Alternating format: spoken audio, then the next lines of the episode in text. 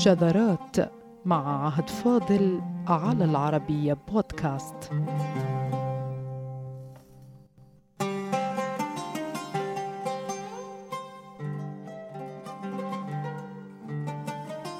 هو من المدرجين في قائمة خلفاء العباسيين. إنما لم يمارس الحكم فقد كانت ولايته ليوم واحد فقط. ويقال بل كانت ولايته بعد يوم أي كانت أقل من يوم فثمة من غرر به واستدرجه لانتزاع السلطة مع أنه شاعر كبير وناقد شهير. ما كان لديه سبب ليطرد نفسه من جنة الأدب ليحرقها في جحيم الصراع على السلطة.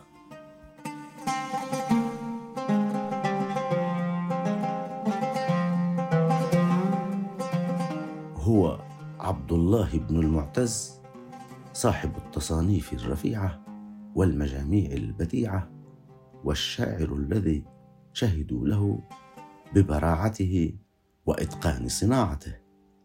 لكن للسلطة سحرا فانهار منتزعا ما كان لغيره ونجح في مسعاه لساعات لا أكثر ثم قبض عليه وسجن واختفى وتلاشى وتبخر.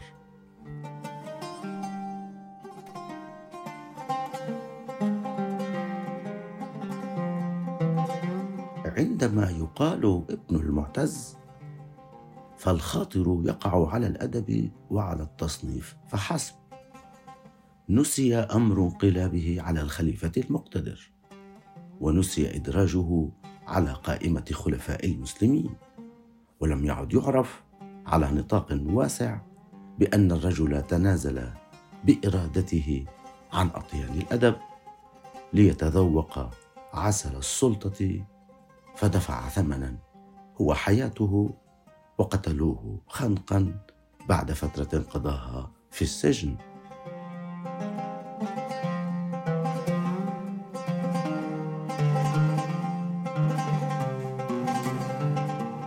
فإذا خسرت السياسة خليفة فلم يخسر الأدب اديبا ومصنفا وشاعرا. فكان ابن المعتز خليفة المسلمين لساعات معدودات لكنه بقي شاعرا حتى الآن وإلى ما سيأتي من أيام.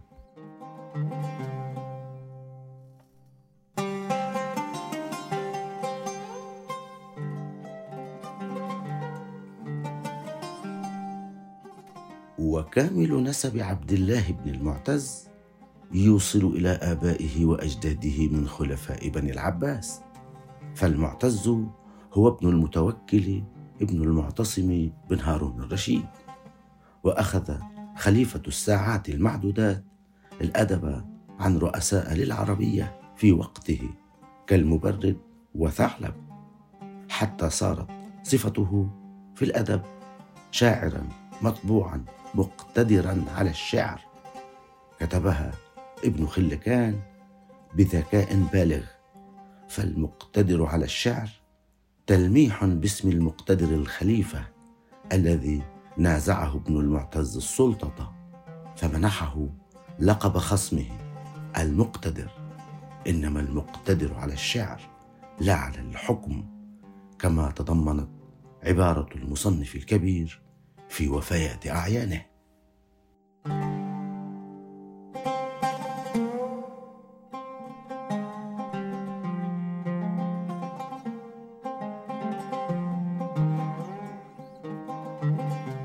وعلى ما قاله الاخباريون العرب والمسلمون ويتفقون جميعا على إيراده فإن جماعة من وجوه الكتاب إضافة إلى رؤساء الأجناد هم الذين أقنعوا ابن المعتز بالاستيلاء على سلطة الخليفة المقتدر وخلعه فخلعوه في يوم السبت من سنة ست وتسعين ومائتين وبايعوا ابن المعتز وخلعوا عليه الألقاب الكبيرة التي لم يتنعم بها إلا لساعات وهي المرتضي بالله والمنصف بالله والغالب بالله والراضي بالله.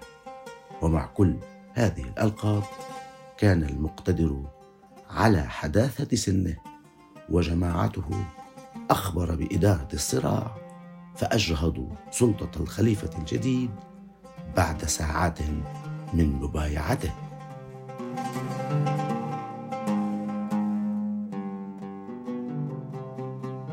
وفيما لا يمكن وصفه إلا بالفضيحة سعى ابن المعتز لجمع الناس من حوله.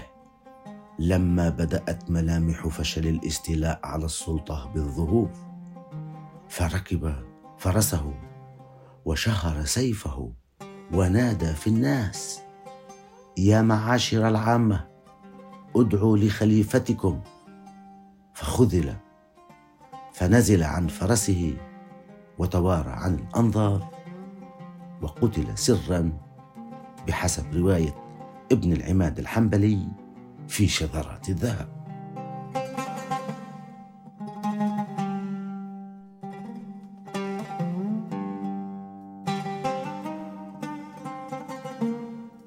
وحاول الأديب الكبير الاختباء في بيت أحد التجار إلا أنه قبض عليه وسجن ثم قتله العباسيون خنقا ودفنوه في خرابة كما تؤكد مصادر الإخباريين المسلمين والعرب. وفيما قام الكتاب بتوريط ابن المعتز بالاستيلاء على السلطة اختفت أصواتهم تماما عن رثائه خوفا من المقتدر. فمات وحيدا مكتوما لم يبق أثر له سوى في ديوان العرب. والعربية تحفظ لأهلها ما تركوه من جواهر تخلدها في الدهر. فكان الشعر العربي هو سيرة ابن المعتز التي لم تنقطع فبقي شاعرا إلى الأبد فيما كان استيلاؤه على السلطة غلطة الشاطر التي لا تغتفر. فمحته السياسة وأعاد الشعر العربي كتابته من جديد.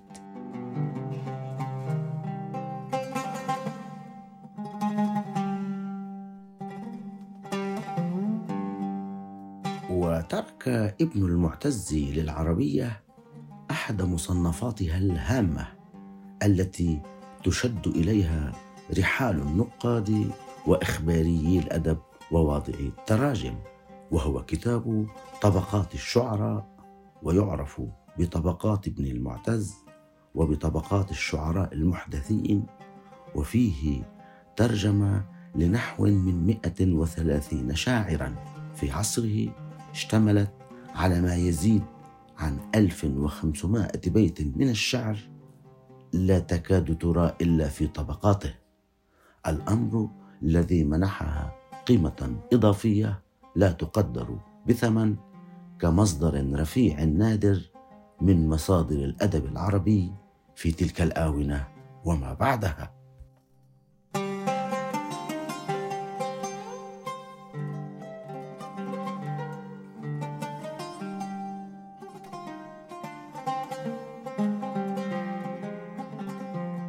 وعلى ما وثقه عدد من كبار الأكاديميين العرب المعاصرين فإن ابن المعتز كان موضوعي الرواية ولا يعمل إلا بالنقل وتسلسل الخبر حتى وصل الأمر إلى وضع طبقاته إلى جانب أشهر طبقات المصنفين العرب والمسلمين وهي طبقات الجمحي وطبقات ابن قتيبة. بل قيل إن طبقات ابن المعتز هي أهم كتاب وجد في تراثنا الأدبي نظرا لما تحتوي عليه من قصائد وأخبار لا يعرفها إلا الخاصة. فصار كتابه من أعظم المصادر التي لا يستغنى عنها على ما ذكره اكاديميون معاصرون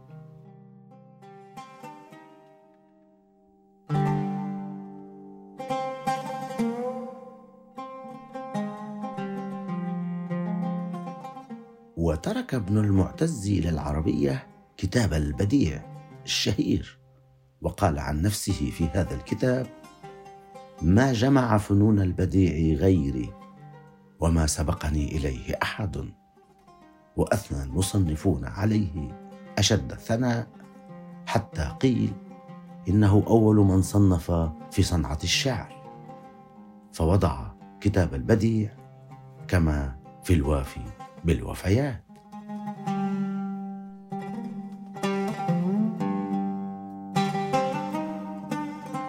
ولابن المعتز مصنفات كثيرة أيها السادة كمكتبات الإخوان بالشعر وكتاب السرقات وكتاب أشعار الملوك وكتاب الآداب وكتاب الجامع في الغناء وكتب أخرى كثيرة فهو كان المعيا أدركته حرفة الأدب. إنما حرقته السياسة ولولا العربية. لاخمد ذكره ولم يعرفه أحد إلا بصفته من قتل الصراع على السلطة. وقال فيه أحد الشعراء راثيا وهو من أقل من رثي من الملوك قال لله درك من ميت بمضيعة نهيك في العلم والآداب والحسب. ما فيه لولا ولا ليت فتنقصه وإنما أدركته حرفة الأدب.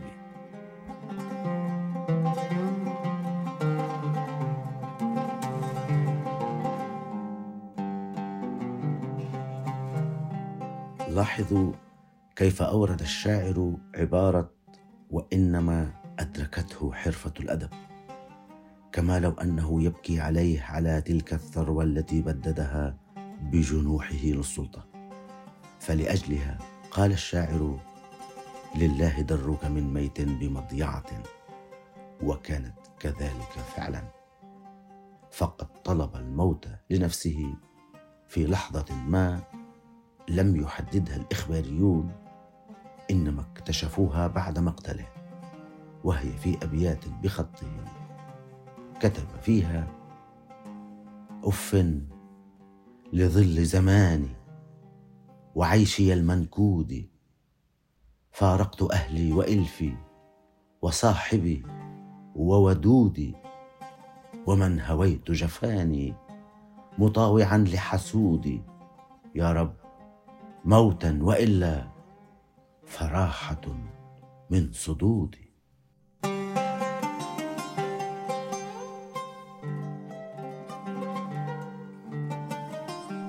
ومع أنه ألف كتاب طبقات الشعراء ليجمع شعرا قيل ببني العباس ومدحهم كما قال ابن المعتز في مقدمة طبقاته إلا أن القتل كان على أيديهم. أولئك الذين ألف طبقات شعراء في مدحهم فقتلوا مؤلفه لما نازعهم السلطة.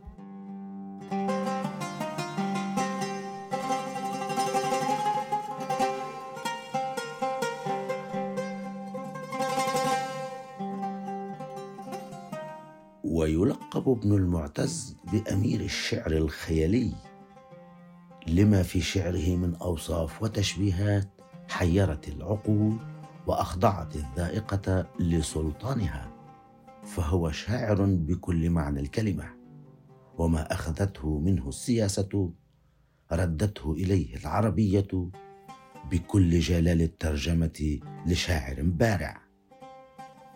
لقد انتصرت العربية على قول جدته أم المعتز فقد كانت تحقر الشعر والشعراء كي تبعد حفيدها عن الأدب وكانت تقرأ له بيتين تقبح فيهما الشعر فتقول الكلب والشاعر في حالة يا ليت أني لم أكن شاعرة هل هو إلا باسط كفه يستمطر الوارد والصادر.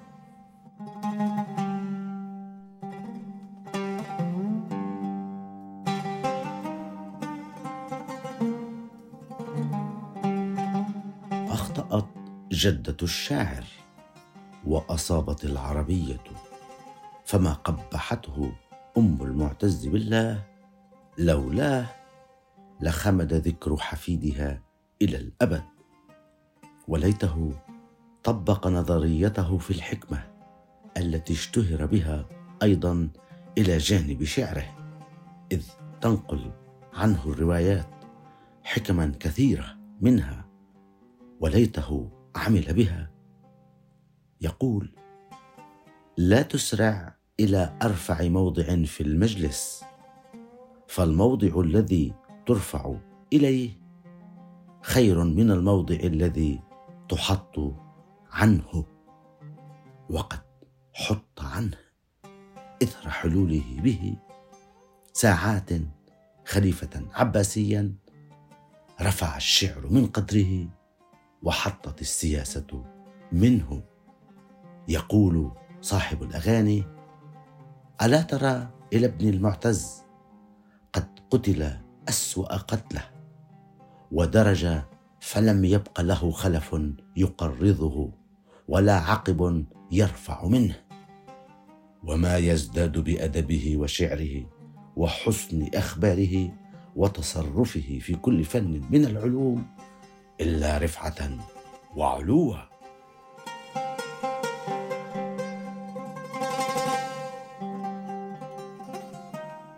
فما أروع مواساة صاحب الأغاني لذكر ابن المعتز. فقد أقر له بغياب وخمول الذكر وبأن أدبه وشعره زادوه رفعة وعلوا وذكرى كما لو أنه يرد على جدة الشاعر التي قبحت الشاعر والشعر أيما تقبيح.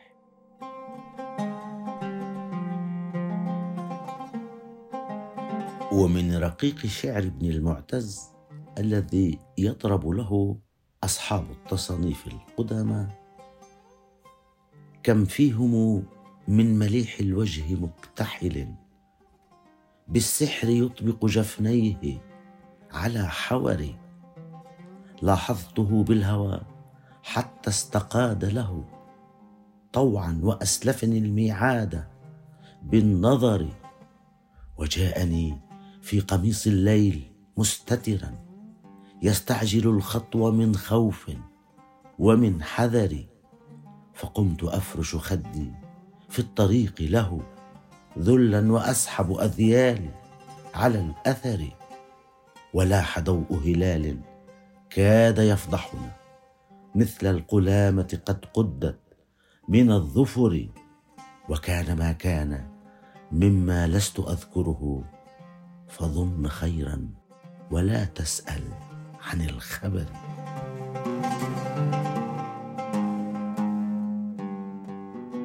وكأنما في إحدى قصائده يتنبأ بما سيحل بذكره وامتناع أصحابه عن رثائه والوفاء له وهو ما جرى معه إلى الدرجة التي نسبت فيها قصيدة برثاء قطة إليه فقيل إن رثاء الهر كان رثاء بعبد الله بن المعتز وذلك لقلة ما رثي به. فكيف أصبحت قصيدة برثاء هر قصيدة برثاء ابن المعتز؟ وهذا ما سنتحدث عنه في الحلقة القادمة. هذا ما قاله خليفة بعض يوم والشاعر اليوم وكل يوم في الوفاء وفي أن الوفي من يكون كذلك بعد وفاته. فيقول بحياتي يا حياتي اشربي الكأس وهاتي قبل أن يفجعنا الدهر بموت وشتات. لا تخونيني إذا مت وقد ماتت نعاتي إنما الوافي بعهدي من وفى بعد وفاتي. فكيف خذل الرجل إلى الدرجة التي صارت فيها قصيدة برثاء هر قصيدة برثائه هو. يا للعجب. ذلك كله في الحلقة القادمة. فإلى ذلك اللقاء. والسلام عليكم.